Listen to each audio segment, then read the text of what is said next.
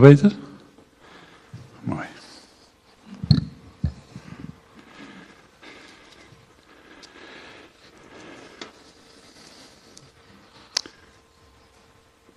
Ik weet niet u wel bekomen bent van de preek van vorige week.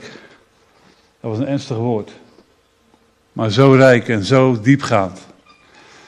En ik was zo blij dat afgelopen dinsdag we mensen de stond die we normaal niet zo vaak zien. En ik was zo blij dat ja, bijna heel de gemeente er gewoon was. Om met elkaar het aangezicht van God te zoeken. Het is zo belangrijk dat we die onderlinge bijeenkomsten niet verzuimen, maar dat we er gewoon zijn. En met elkaar in deze wijk gemeente zijn. Opdat de heerlijkheid van God zichtbaar wordt.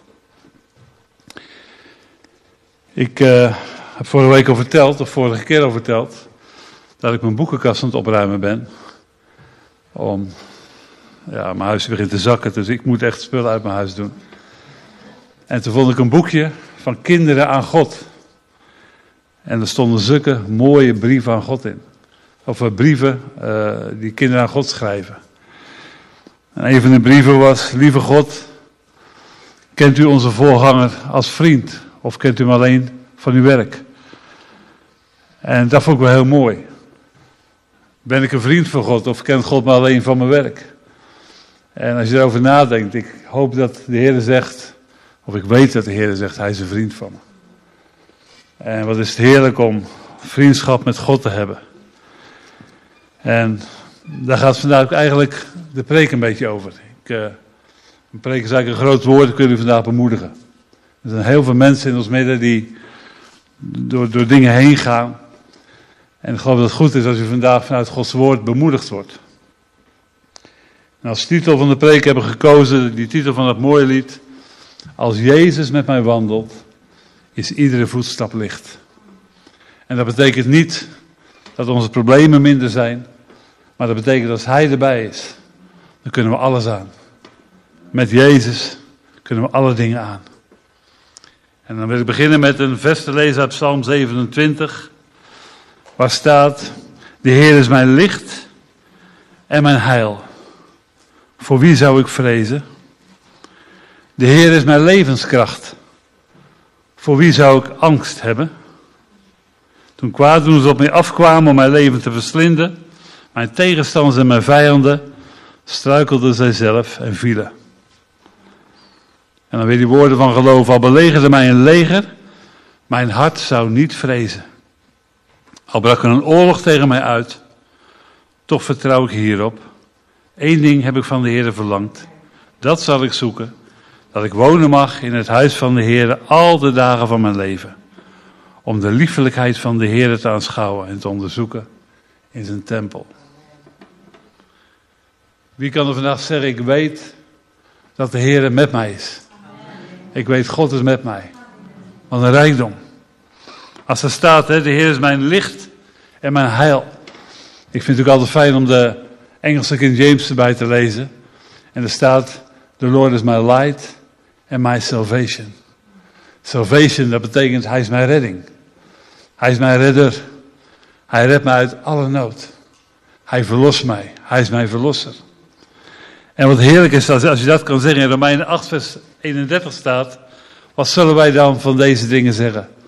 Als God voor mij is, wie zal tegen mij zijn? Psalm 118 vers 6 zegt. De Heer is bij mij. Ik ben niet bevreesd. Wat kan een mens mij doen? We hoeven dus niet te vrezen wat er ook gebeurt. Of wat er ook misschien niet gebeurt. Misschien biedt er voor iets en gebeurt het niet. Maar we hoeven niet te vrezen, want de Heer is met ons. En we willen vandaag met elkaar gaan kijken hoe God met zijn volk is. En we hebben het volk Israël in de Bijbel als voorbeeld. En het volk Israël is door de Heer verlost uit Egypte.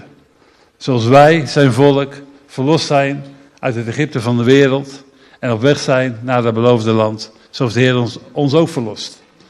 En Laten we zo vanavond kijken naar wat de Heer voor ons wil zijn. En daarmee is het geen vervangingstheologie, dat wil ik gelijk even zeggen. Want wij geloven dat de Heer een plan heeft met Israël. En dat de Heer al zijn beloften voor Israël gaat inlossen.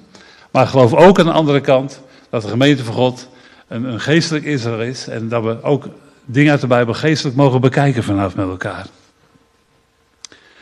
Laten we lezen met elkaar Deuteronomium 20, vers 1 tot 4.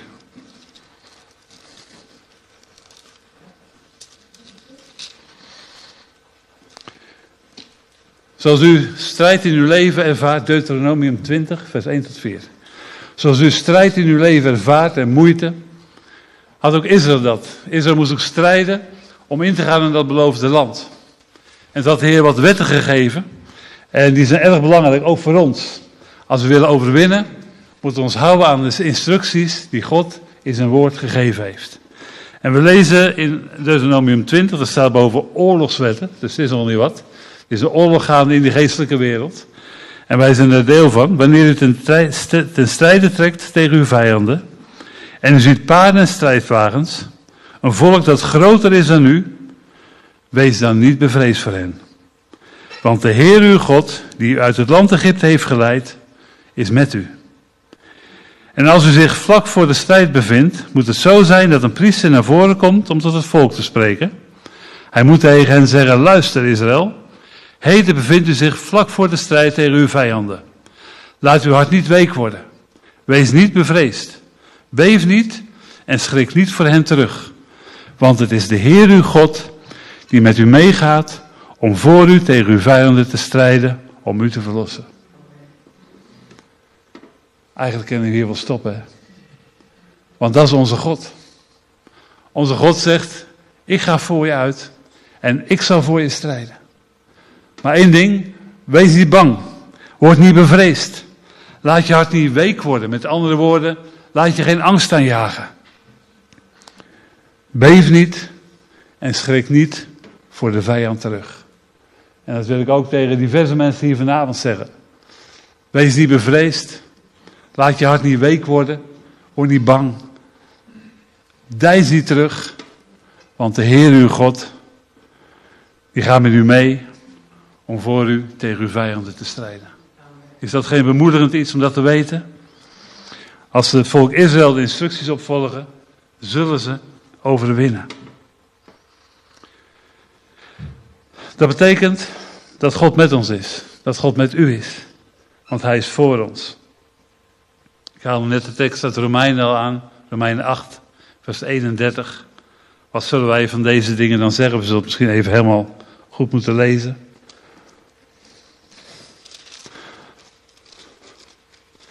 Romeinen 8, vers 31.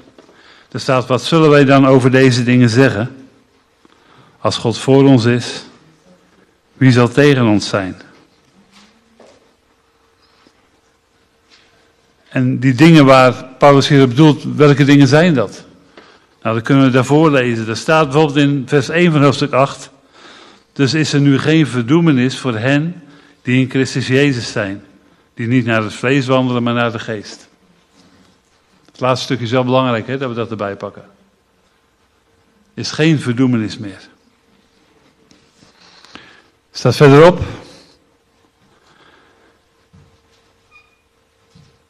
U bent niet in het vlees, maar in de geest. Wanneer althans de geest van God in u woont. Als Christus in u is, dan is het lichaam wel dood vanwege de zonde, maar de geest is leven vanwege de gerechtigheid. En als de geest van hem, die Jezus uit de doden opgewekt heeft, in u woont, zal hij die Christus uit de doden opgewekt heeft, ook uw sterfelijke lichaam een levend maken door zijn geest die in u woont. U heeft, de geest niet u heeft niet de geest van slavernij ontvangen, die opnieuw tot angst leidt, maar u hebt de geest van aannemen tot kinderen ontvangen, door, door wie wij roepen, Abba Vader. De geest zelf getuigt met onze geest dat wij kinderen van God zijn. En als we kinderen van God zijn, zijn we ook erfgenamen. Erfgenamen van God en mede-erfgenamen van Christus. Wanneer wij althans met hem lijden, opdat we ook met hem verheerlijkt worden. Want ik ben ervan overtuigd, zegt Paulus, dat het lijden van de tegenwoordige tijd niet opweegt tegen de heerlijkheid die aan ons geopenbaard zal worden. Wat zullen wij over deze dingen zeggen? Als God voor ons is. Wie zal tegen ons zijn? In alle dingen is de Heer met ons. Er is geen situatie in uw leven waaruit God u niet kan helpen. En u bent nooit te ver weg van God dat Hij u niet zou kunnen bereiken. Waar je geweest bent, wat je ook gedaan hebt. Gods arm is altijd lang genoeg om uit te redden. Zijn arm is niet verkort, staat er op andere plaatsen in de Bijbel. U staat niet alleen. God staat aan uw kant. Dat wil zeggen, God staat aan uw kant als u in een relatie met Hem leeft. Als u zonde beleden heeft. U zegt, Heer, ik accepteer uw offer, ook voor mijn leven. Wilt u mijn verlosser zijn? En dan is Hij daar. En dat geldt ook voor u wat er staat in nummer 11, vers 23. Is de hand van de Heer tekort? Nee. Nu zult u zien of mijn woord werkelijkheid zal worden. Weet u, we mogen op de Heer gaan vertrouwen. Als we lezen in, in nummer 11, dat ging daarover dat het volk uh, aan het murmureren was. En dat God belooft, ik zal jullie vlees geven. Een maand lang. En wat deed de Heer? Hij deed wat hij gezegd had. En als de Heer zegt, mijn arm is niet te kort om te verlossen, dan is het zo. Laten we Isaiah 59 vers 1 eens met elkaar opslaan. Ik zeg, het is niet echt een preek, het is echt een bemoediging voor u allen. Er staat ook, zie de hand van de Heer is niet te kort dat ze niet zou kunnen verlossen. En zijn oor is niet toegestopt dat het niet zou kunnen horen.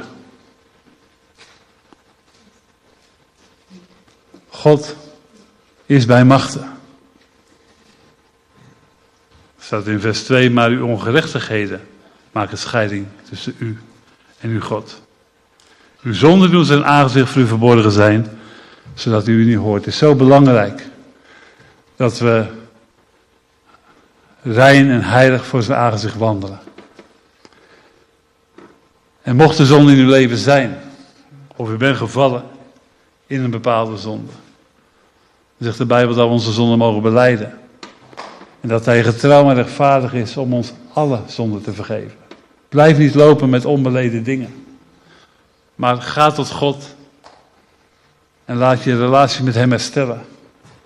Beleid je zonde. Vraag om vergeving. En dan zal de Heer je reinigen met het bloed van zijn zoon. En je zal weer in relatie met Hem kunnen leven. Weet u, als we in relatie met God leven en we roepen tot Hem, is er nooit gebrek aan genade. Het is nooit gebrek aan redding, aan verlossing, aan bevrijding, aan voorziening.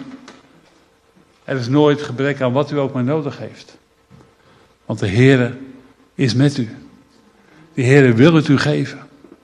En misschien bent u al zo lang aan het bidden dat de Heere wilt u mijn lichaam aanraken. Blijf volharden. Want de Heere hoort. En hij zal verlossen.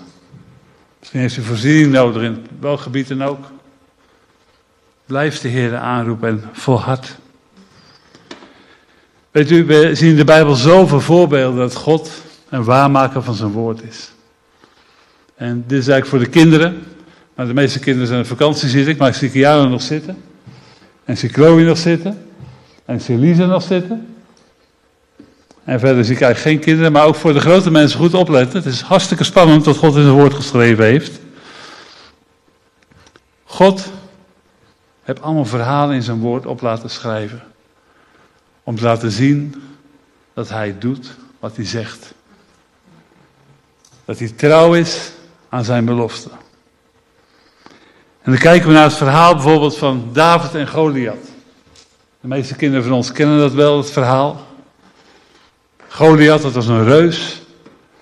En die maakte de God van Israël belachelijk. En hij maakte de kachel aan met het volk Israël. Dat betekent dat hij de gek met ze stak. Hij hoonde ze.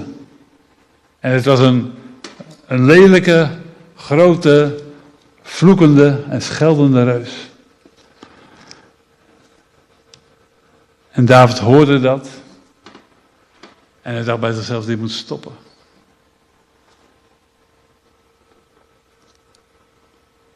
En hij ging naar de koning en zei: Laat mij een strijder trekken tegen Goliath. En ja, we kennen het verhaal wel, hè. Toen had de koning hem een harnas aan trekken. Maar David was maar een klein mannetje. En dat harnas paste helemaal niet. Het is veel te zwaar. Fijn gebouwde jongen. Dus dat was helemaal niks. Maar Goliath, die was groot. Hij was sterk als spierballen. Die had een heel zwaar masker, een harnas had hij aan. Had een schild. Hij had een, een, een speer. Nou, we kennen allemaal die speertjes wel, waarmee ze gooien op de Olympische Spelen. Maar deze speer was al zo dik. De Bijbel zegt hij was zo dik als een weversboom. Had een zwaard, ook nog eens een keertje. En een hele grote mond. En hij stond daar te schelden en God belachelijk te maken. En aan de andere kant stond David. Was wel een mooie jongen. Maar hij was klein en fijn. Rood haar. Ja, dan heb je eigenlijk wel gezegd wat David was. Nou, misschien kan je nog zeggen, hij was herder. Dus hij zou wel hele mooie bergschoenen gehad hebben. Maar dat was het wel. Maar weet je wat zo mooi was? David was misschien klein. En hij had geen harnas. En hij had geen wapens. Maar God was met hem. En God had hem beloofd dat hij de overwinning zou krijgen. En ken altijd allemaal dat liedje, David met zijn slinger. Die was voor niemand bang. En hij had stenen gevonden. En hij pakte een steentje en deed hem in zijn slinger. En begon te slingeren. En hij slingerde zo de, de reus tegen de vlakte. Steen raakte hem precies op zijn voorhoofd, bij zijn slaap. En hij viel om en hij was dood. David was niet bang, hij liet zich niet intimideren door de vijand. Maar hij ging in vertrouwen en in geloof op God. Hij deed wat God gezegd had. Hij moest niet bang zijn. Zijn hart moest niet week worden. Hij moest niet terugdeinzen van schrik. Hij moest gaan in de kracht van God en hij kreeg overwinning. Ja, Goliath dacht nou, hij snapt niet hoe het werkt, dat kleine mannetje. Maar als iemand die begreep hoe het werkte, was het Goliath. Hij werd overwonnen. Weet je hoe dat komt, mensen? Omdat onze God altijd groter is.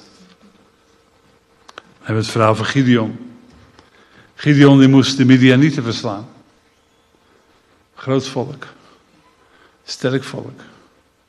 En dat ging niet vanzelf. Gideon had allemaal excuses waarom hij dat niet zou moeten gaan doen. Waarom de Heer maar een ander moest roepen om dat te doen. Uiteindelijk bleef er een, een groepje mannen over, de Gideonsbende, 300 man. En die moesten een groot leger gaan beslaan. Maar ze hoorden naar de instructies van God. En God gaf hen de overwinning. Het maakt niet uit waar je voor staat. Het maakt niet uit wat er tegen je opkomt. Ook komt heel de legermacht van de boze op je af. God is altijd groter. En als je gehoorzaamt aan hetgeen wat Hij je zegt, dan ga je overwinnen. Er is altijd overwinning. Psalm 91 zegt al, Vader, duizend aan je zijde en tienduizend aan je rechterhand. Tot u zal het niet genaken. Met andere woorden, jou zal niks overkomen. Houd daar aan vast. Die beloften van God staan niet voor niks in zijn woord. We mogen ze toe-eigenen. Dan denk ik aan Mozes. Die met een heel lastig volk uit Egypte is getrokken. En dan krijgt die koning die ze heeft laten gaan, die krijgt spijt. En die denkt, ik ga er achterna, ik ga ze opnieuw gevangen nemen. En wat denk je? Komen ze voor een zee te staan. De Rode Zee. En Mozes, die riep tot God. Dat is wat wij altijd moeten doen. Op het moment dat we in moeite of in zorgen of in problemen zijn. Op het moment dat we strijd hebben. Laten we tot God roepen. Dus een lied te zeggen, hij is met één gebed van ons verwijderd. Als we die naam Jezus uitspreken, dan is hij daar. Om ons te helpen. En Mozes luisterde naar de instructie van God. En hij deed wat God zei. En God deed wat hij gezegd had. En de zee die spleet. Er kwamen muren van water en het volk Israël kon er tussendoor trekken. Een groot wonder. Het leger van de farao kwam erachteraan. En terwijl ze halverwege waren, sloot God de zee en ze verdronken allemaal. Ik heb je wel eens gezegd, hè, er zijn er uh, wetenschappers die zeggen, ja, maar in die tijd van het jaar stond er maar een klein laagje water in die Rode Zee. Dus dat is, ze konden gewoon er doorheen waden. Dat maakt God alleen maar groter. Want als je een hele leger kan laten verdrinken in zo'n laagje water, dan ben je groot. God is altijd groter. En wat er ook gebeurt, laten we zien op hem. Zaterdag, meestal en Abednego. We kennen het verhaal, hè? Zou niet buigen voor de koning. En ze, zei, ze zeiden, onze God is bemachtigd om ons uit uw handen te houden. Wat gebeurde er? God zei niet, ik ga jullie wegnemen plotseling. God zei niet, ik, ik laat bliksem uit de hemel vallen en die koning is dood. Maar God stond toe dat ze in de vurige oven geworpen werden. En die oven was heter, jongens. Degene die, die drie mannen in de oven moesten werpen, die vielen dood neer vanwege de hitte die daar was. Maar God, wat deed hij? Hij sloot zich aan bij zijn kinderen. En hij was met hen in die vurige oven. En hij beschermde ze daar. Weet u, als we de Heer dienen, betekent dat niet dat er geen moeite, dat er geen strijd, dat er geen zorg is en dat soms heel erg heftig kan zijn. Maar Hij is erbij. Hij is met ons. En laten we dat nooit vergeten, laten we daaraan vasthouden. Ik denk aan Jozua. Die stond met zijn volk bij Jericho. Naar een mooie stad te nemen met muren die zo ongelooflijk dik zijn dat er een paard en wagen op heen en weer kan rijden. Dat de huizen opgebouwd zijn. Nou, gaat dat maar eens innemen. God geeft instructies en de muren storten in. Hoe groot is God? Dat is de God die u en ik dienen. En hij is niet veranderd. Want de Bijbel zegt het, Hebreeën 13 vers 8. Jezus Christus is gisteren en heden dezelfde. Tot in alle eeuwigheid. Hij is bemachtigd ook vandaag. Om iedere muur, iedere geestelijke muur die voor u opdoemt, om die in te laten storten. Als wij doen wat hij zegt. Daniel in de leeuwenkuil, Daniel mocht niet meer bidden. En als hij het wel deed, dan werd hij in de leeuwenkuil gegooid. En wat deed Daniel? Hij ging bidden. Dus wat gebeurde er? Hij werd in een kuil met hongerige leeuwen gegooid. En wat deed God, zegt de Bijbel? Hij sloot de mond van de leeuwen toe. Daniel heeft daar heerlijk geslapen, want de ondergrond is veel koeler. Het is hartstikke heet daar eh, waar Daniel was. En hij heeft heerlijk geslapen en de volgende dag werd Gods grootheid openbaar. Die koning kwam en zei, Daniel, hoe is het met je? Ben je er nog? Ja, maar ik ben er nog. Ik heb maar twee witte boterhammen en een gekookt ei. Dat is onze God. Tenminste, dat zou ik gezegd hebben. ik verheug me altijd op ontbijt. Voorziet de Heer ook iedere ochtend in. Mensen, ik wil u bemoedigen vanavond. God is niet veranderd. En zoals God het natuurlijke volk Israël keer op keer uitleidde, uitredde, verloste. En het was echt niet omdat Israël zo volmaakt luisterde naar de wil van God. Maar omdat hij een God was. En als ze zich verootmoedigden voor hem, was de Heer daar altijd. En dat geldt ook voor ons. We hebben een strijd te voeren. En de Bijbel zegt dat wij niet hebben te strijden tegen vlees en bloed, maar, deze, maar tegen macht en overheden in de hemelse gewesten. Maar hij heeft ook gezegd dat hij voor ons zal strijden. Maar wij moeten ons niet laten intimideren door de boze. We moeten opzien naar hem. We moeten zijn naam aanroepen. En zullen we zien dat Hij ons zal verlossen. We begrijpen, lieve mensen, dat je bent niet alleen. Je staat er niet alleen voor. God is met je. Hij zit aan je kant. God zorgt voor u. Weet u, er is een lied in het Engels. En dat zegt, it matters to him about you. En dat zegt zoveel als, Het gaat hem aan het hart hoe het met jou gaat. Hij vindt het belangrijk dat het goed met je gaat. Hij houdt van je. Hij wil voor je zorgen. Het enige wat hij van je vraagt, geef je over aan mij. Vertrouw op mij. Vertrouw op hetgeen wat ik gedaan heb aan het kruis van Golgotha.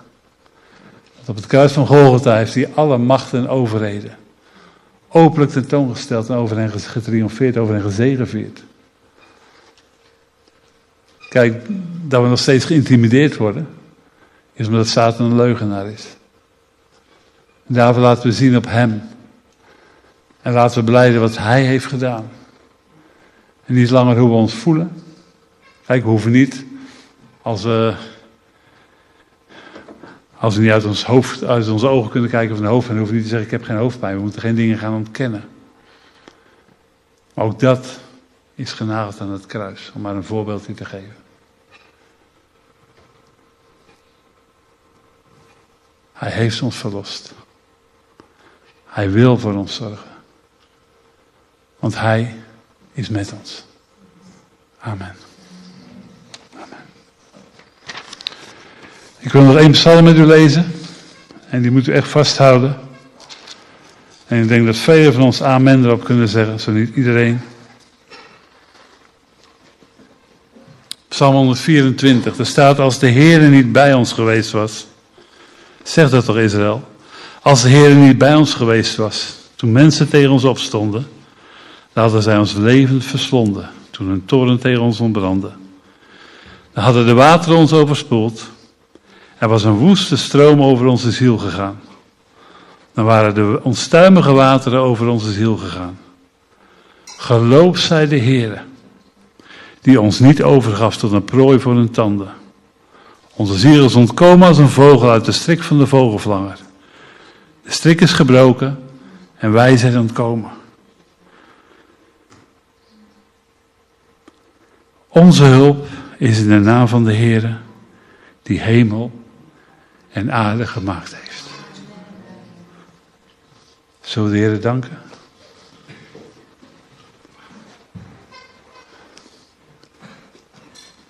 Heer, als ik denk aan de woorden van de psalmist, Heer, dan ontroert het me om te zien dat u nog steeds diezelfde God bent. Want als het niet om u geweest was, Heer, dan hadden we omgekomen. Dan hadden we al lang niet meer geweest. Maar u, Heer, heeft ons niet overgegeven. Nee, Heer, u, in uw grote genade heeft u ons vastgehouden, heeft u ons gedragen. Heeft u ons verlost. En ons gebracht tot waar we nu zijn. Dank u, Heer, voor uw genade. Dank u, Heer, dat u ons dag en dag draagt. Dank u, Heer, dat u hoort als u aanroepen. En dank u, Heer, dat we vanuit uw woord weten, Heer, dat u met ons doorgaat. En dat u ons wil brengen naar die gelijkvormigheid aan uw zoon. Heer, het is allemaal zo groot en zo onbevattelijk. Maar we zien er naar uit.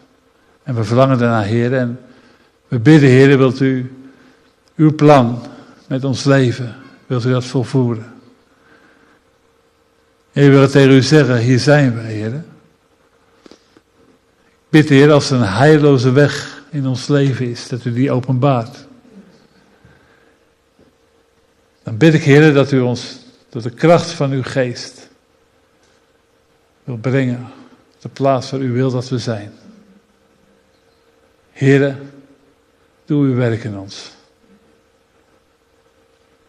Opdat uw naam geëerd mag worden.